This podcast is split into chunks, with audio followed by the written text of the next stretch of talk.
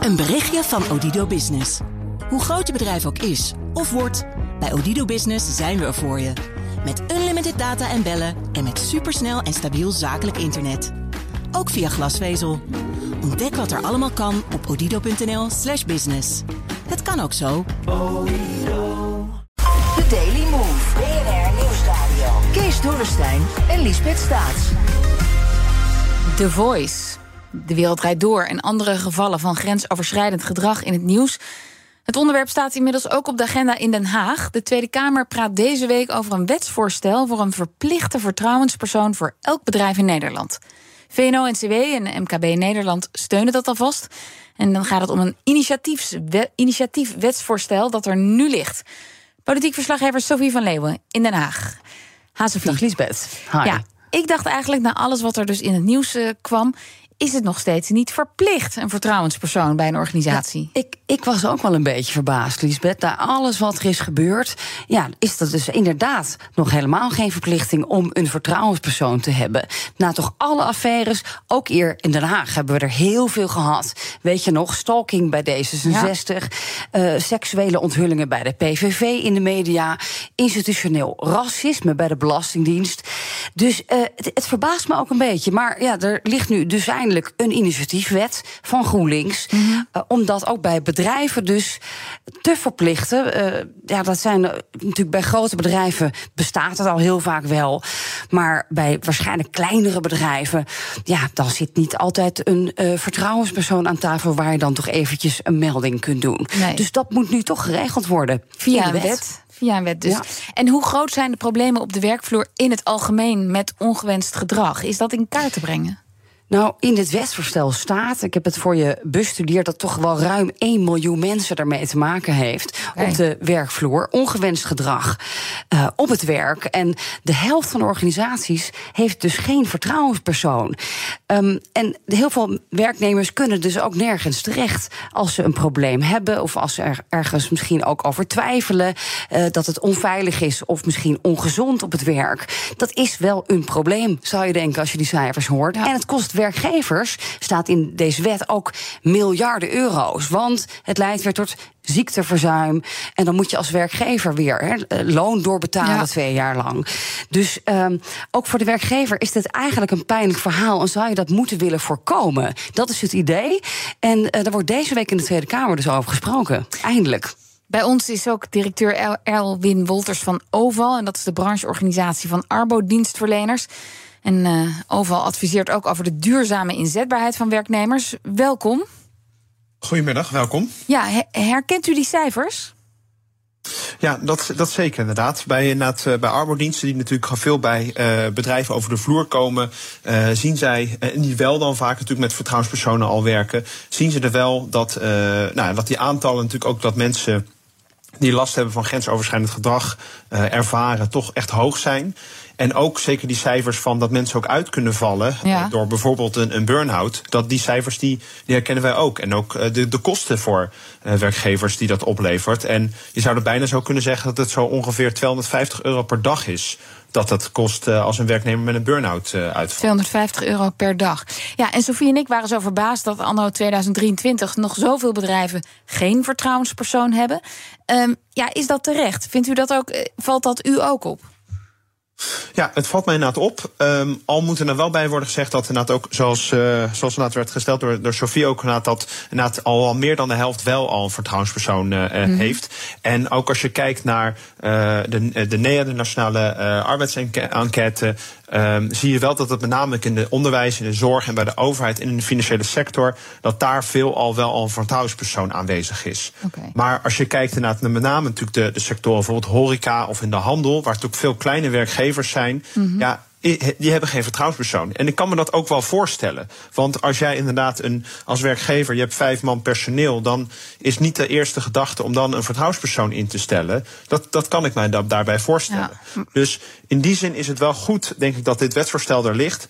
Ook om dus omdat natuurlijk grensoverschrijdend gedrag kan op elke werkvloer uh, uh, gebeuren, kan altijd uh, aanwezig zijn.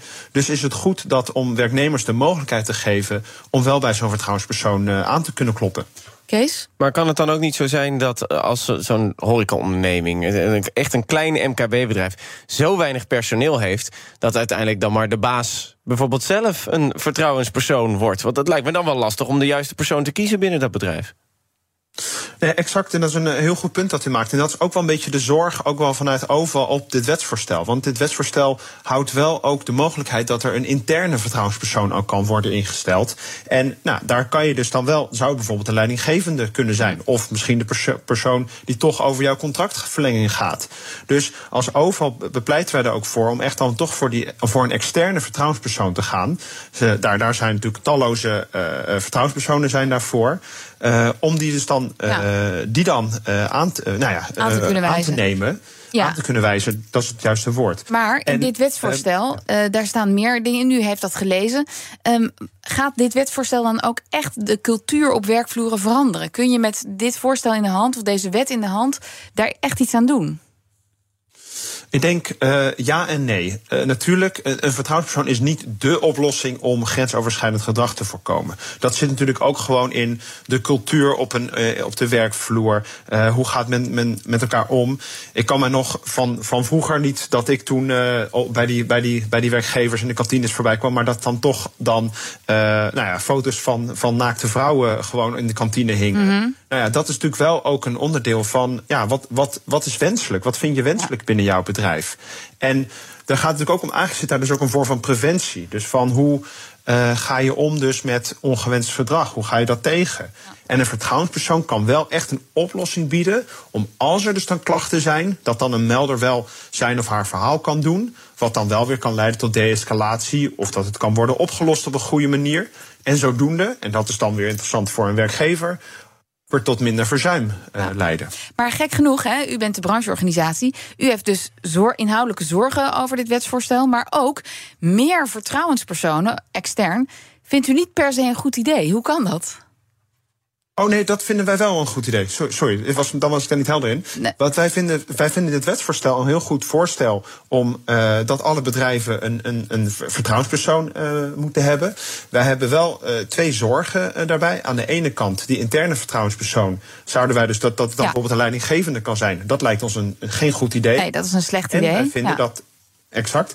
En wij vinden dat de externe vertrouwenspersoon op dit moment zijn er ja, vrijwel geen eisen, kwaliteitseisen om externe vertrouwenspersoon oh. te zijn. Dus wij, wij vrezen daar een beetje uh, voor dat er eigenlijk een wildgroei aan vertrouwenspersonen, aan bureaus ontstaan. die dan zo'n vertrouwenspersoon uh, in, kunnen, in kunnen zetten voor, voor, bij werkgevers. Dus als Kees Terwijl, en ik uh, morgen een bureautje willen beginnen, dan zou dat kunnen? In vertrouwen. Ja, en ons verkopen als vertrouwenspersoon. Exact. En dat is dan, je hebt dan wel een opleiding nodig. Maar er zit daarna helemaal geen verdere. Nou ja, dat je dus nog moet terugkomen. Nascholing, bijscholing of bepaalde keurmerken. Dat, dat zit er niet aan vast. Maar wat voor een opleiding is dat dan? Ja, opleiding tot vertrouwenspersoon. Ja, maar nee, dan vraag ik me af: kan ik dat met maar een cursus een uh, zo doen? Ja. Nee, dat is uh, ongeveer vier dagen. Vier dagen? Vier dagen. En dan kan ik gewoon lekker de hoofdprijs vragen om voor bedrijven vertrouwenspersoon te worden. Exact. Nee, dat is precies ook onze zorg. En wij, wij zeggen daarbij van, nou ja, daar moet je toch wel, want je hebt wel te maken toch ook met nou ja, moeilijke verhalen, uh, toch ook nou, ingrijpende, ingrijpende zaken. Um, en dan zou je toch willen dat dan een vertrouwenspersoon daar toch vaardigheden bepaalde heeft. Dus bijvoorbeeld coachings, hulpverleningsvaardigheden, maar ook toch een bepaalde werk- en denkniveau. Dus nou ja, als, als, als, als idee, als gedachte erbij, toch al dat je bijvoorbeeld een, een opleiding in social work, psychologie of pedagogiek zou, zou ja, hebben. Verwachten. En dat, uh, en dat dus... vraagt u dus ook in, dat, in, dat, in die wettekst, Sophie. Staat, dat er, staat er iets in over die opleiding? Ja, er staat eh, volgens mij is het nu gewoon vier dagen en is dat nog niet aangepast. En daar zal het deze week in de Tweede Kamer wel over gaan. Van uh, ja, kan uh, elke Pietje Puk uh, inderdaad coach worden ja. en zijn zakken gaan vullen?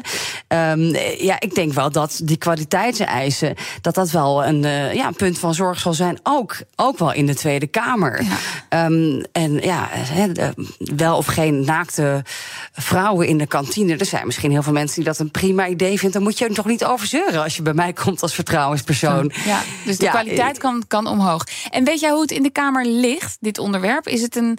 Uh, krijgen ze hier de handen voor op elkaar? Um, ik heb wel een rondje eventjes gebeld, ook met uh, bij, bij natuurlijk de coalitiepartijen. Uh, de VVD, die waren eigenlijk eerst helemaal niet zo voor. Ja, dat is zoiets van, ja, gaan we nu het bedrijfsleven nog meer regeltjes opleggen. Die hebben al genoeg aan hun hoofd. En uh, ja, waarom moeten we dit nou verplicht gaan stellen? Dat is hun eigen verantwoordelijkheid. Nu moet ik wel zeggen dat dus de werkgeversorganisaties... die zijn gedraaid de afgelopen periode. En die zeggen nu, oké, als je hem niet zelf in dienst hoeft te hebben... maar je kunt extern misschien een abonnementje nemen... op zo'n vertrouwenspersoon ja. via de ARBO. Uh, bijvoorbeeld... Hè, of de, via de brancheorganisatie... dan heb je ook niet zo'n grote last als, als MKB-bedrijf. Dus dan, ja, daar valt over te praten. Die zijn nu mee, die zijn om. Dus de VVD uh, ja, is nog aan het nadenken of zij komende donderdag in dat debat dan toch misschien groen licht gaan geven voor deze initiatiefwet. Ook bij het CDA kijken ze er nog naar. Er zijn nog wat twijfels. Maar ja, uh, dus die Kamermeerderheid is nog niet geregeld, Lisbeth. Nee, maar... Uiteraard is dit GroenLinks, PvdA, D66, dat soort partijen vinden vertrouwenspersonen, veiligheid op de werkvloer wel heel belangrijk. Ja. ja, maar daar moet de VVD wel meedoen. En um, meneer Wolters, ja, ik, ik zit nu een beetje hard op na te denken, maar ja, een, een bedrijfsarts. Die nemen kleine organisaties ook niet in dienst. Um, maar je kunt er wel gebruik van maken. Of, of zo iemand opbellen of een afspraak maken. Zo zou het dan toch ook makkelijker met vertrouwenspersonen geregeld kunnen worden? Nee, exact. Dat is ook precies ook wat arbodiensten ook uh, kunnen, kunnen bieden. Dat is ook wat wij, uh, wat arbodiensten eigenlijk nu ook al, al jarenlang aanbieden. Zij uh, hebben, nou, zoals Sofie ook na het stelt, bepaalde abonnementen om dus bij kleine werkgevers, maar ook via brancheorganisaties om vertrouwenspersonen aan te bieden. Nou, en dat biedt dus ook echt dus dan de mogelijkheid voor bijvoorbeeld die ene horeca-ondernemer met vijf man personeel om dan via de toch al bestaande contract dat ze hebben met een arbodienstverlener, om ook zo'n vertrouwenspersoon, uh, externe ja. vertrouwenspersoon in te, kunnen, in te kunnen zetten. Tot slot, Sofie, wanneer volgt dat debat? Ja, later deze week, uh, donderdag, dan uh, gaat het door de uh, Tweede Kamer. Het is een initiatiefwet van Senna Matoeg van GroenLinks. Ja, ik ben echt benieuwd of die het gaat halen. Uh, en, ja, uit, en uiteindelijk wat het dan gaat doen. Hè. Wat gaan die 1 miljoen mensen die zich nu niet veilig voelen op hun werk. Ja, gaan we dat dan echt oplossen? Daar ben ik wel erg benieuwd naar. Ik ook. Dank jullie wel. Sophie van Leeuwen, politiek verslaggever. En Elwin Wolters van OVAL, de brancheorganisatie van arbodienstverleners. Een berichtje van Odido Business. Hoe groot je bedrijf ook is of wordt, bij Odido Business zijn we er voor je. Met unlimited data en bellen en met supersnel en stabiel zakelijk internet. Ook via glasvezel. Ontdek wat er allemaal kan op odido.nl/slash business. Het kan ook zo.